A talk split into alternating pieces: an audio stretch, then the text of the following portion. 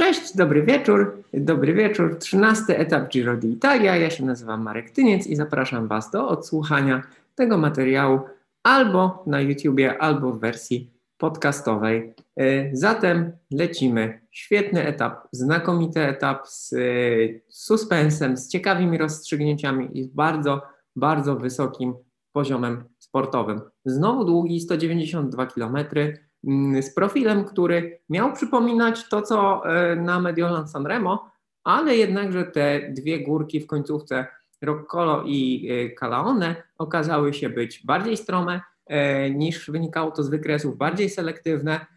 W związku z tym o zwycięstwo tak naprawdę walczyli specjaliści, a w zasadzie jeden specjalista Diego Ulisi, górzystych klasyków oraz faworyci klasyfikacji generalnej ale po kolei. E, oczywiście ucieczka dnia. E, Bora Hansgrohe i e, NTT i drużyna Emiratów kontrolowały tą ucieczkę, trzymały ją na smyczy, żeby za daleko nie odjechała.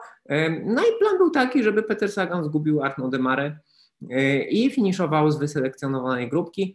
Boże, słuchajcie, w zasadzie się to udało, ponieważ taka kilkunasto kilkunastoosobowa grupa najmocniejszych zawodników finiszowała, ale nie było w niej Petera Sagana. Sagan nie wytrzymał tempa na drugim z podjazdów.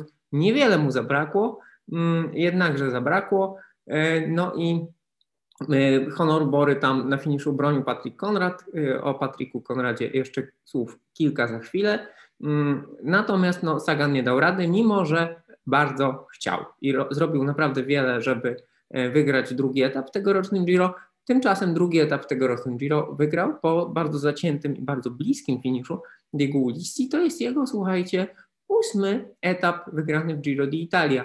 Ten zawodnik miał gdzieś po drodze w swojej karierze wpadkę z, salbu, z salbutamolem, podobną do tej, którą miał Chris Froome, e, przekroczony, gdzie jakby mógł używać salbutamolu, ale wziął go za dużo, y, albo przez błąd, albo po to, żeby poprawić swoje osiągi.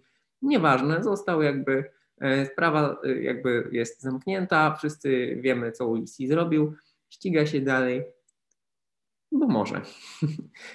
Drugie szanse są ważne, trzeba je dawać, myślę, pewna transparentność jest potrzebna.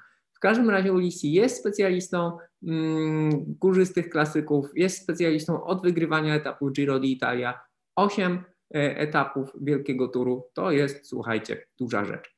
E, Bora Hansgrohe robiła świetną robotę na tych, zarówno wcześniej e, Maciej Bodnar, Paweł Poliański, Cezary Benedetti, no, fantastyczna robota. Strach pomyśleć, jakby to wyglądało wszystko, gdyby Peter Sagan miał takich pomocników na Tour de France, albo chociaż Bodnara, bo wygląda na to, że z nimi czuje się, po pierwsze z nimi czuje się najlepiej, z nimi dogaduje się najlepiej, oni robią dla niego najlepszą robotę. Było to widać zwłaszcza na tym pierwszym podjeździe, gdzie Sagan naprawdę no, zaginał się jak to tylko możliwe, wyjechał wysoko, natomiast y, myślę, że szyki y, popsuła mu drużyna FDJ, która mimo, że y, Temare został, to potem na zjazdach i na krótkim, płaskim odcinku między dwoma podjazdami no oni wykonali z kolei dla Lemary rewelacyjną robotę i doszli tą grupą. Tam zlikwidowali prawie 30 sekund różnicy. E, I mimo, że Demary strzelił, e, to na kolejnym podjeździe, który okazał się być bardziej stromy i jeszcze bardziej selektywny, to Sagan nie zaczął tego drugiego podjazdu e, wysoko w grupie, spłynął, zrobiła się różnica. Na szczycie miał zaledwie 15 sekund straty, ale okazało się, że e, gdy do głosu doszli faworyci generalki, e, no to Almeida e, znakomicie się tam spisywał. Młody, młody Knox go też znakomicie prowadził i drużyna Decoyni Quickstep po raz kolejny miała przewagę liczebną no i w czołówce i rozkręcali tempo, rozkręcali tempo lepiej niż Inos Grenadiers i Sagan. Potem Sagan ze Swiftem jeszcze takim rzutem na taśmę próbowali w końcówce sami e, wziąć sprawy w swoje ręce, jeszcze przeskoczyć do czołówki, ale nie dali rady. Ostatecznie doszło do finiszu e, i Ulissi wystawił koło Almeidzie, Almeida wystawił koło Konradowi, no i tak się, tak się to skończyło. To, że Sagan nie wytrzymał tempa, no cóż, tempo na tych dwóch górkach było dzikie. Bo słuchajcie, tamta kilkunastoosobowa grupa, która, która jechała, pierwszy podjazd Kolo 11 minut 20 sekund, średnia prędkość podjeżdżania 1788, jakieś 6,2 W na kilogram. Kalaone niespełna 6 minut, 5,53, Nox miał najlepszy czas, około 420 W, daje to 7,2 W na kilogram i prędkość podjeżdżania ponad 2000 metrów na godzinę. To jest y, prędkość straszliwa. W związku z tym, no, czego Sagan by nie robił, no to y, nie dziwne, że tego nie wytrzymał. Natomiast być może gdyby zaczął y, to wzniesienie na początku tej grupy, to mm, no to ta różnica na górze nie była 15 sekund, tylko na przykład 7 i dałby, dałby radę dojść, ale nie dał. Takie życie. W każdym razie y, jakby napięcie rosło, nie wiadomo było właśnie, czy te grupy się dogonią, czy nie dogonią, co zrobi Sagan, czy Demarek go dogoni. Świetne to było, świetnie się to oglądało, naprawdę znakomite.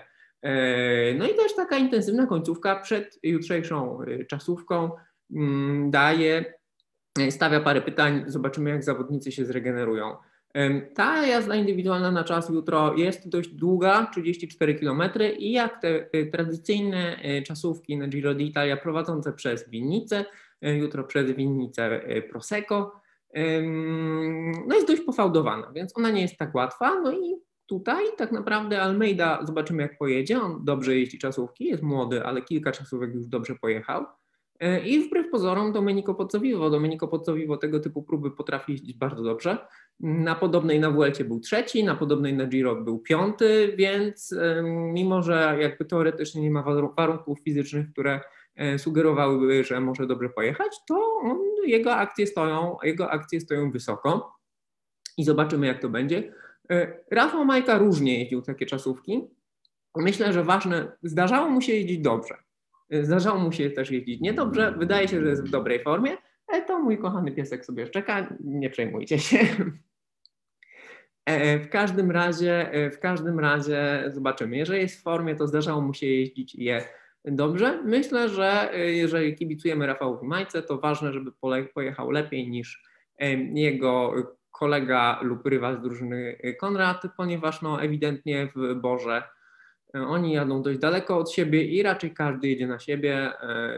Też dzisiaj no jakby dwóch niby liderów na generalkę zostało z przodu, Sagan został z tyłu i, no i nic z tego Bora nie miała. Taka prawda. E, symptomatyczne jest również to, że e, Nibali w tych kluczowych momentach jest sam. E, będzie miało to prawdopodobnie znaczenie na niedzielnym etapie do Piancavallo.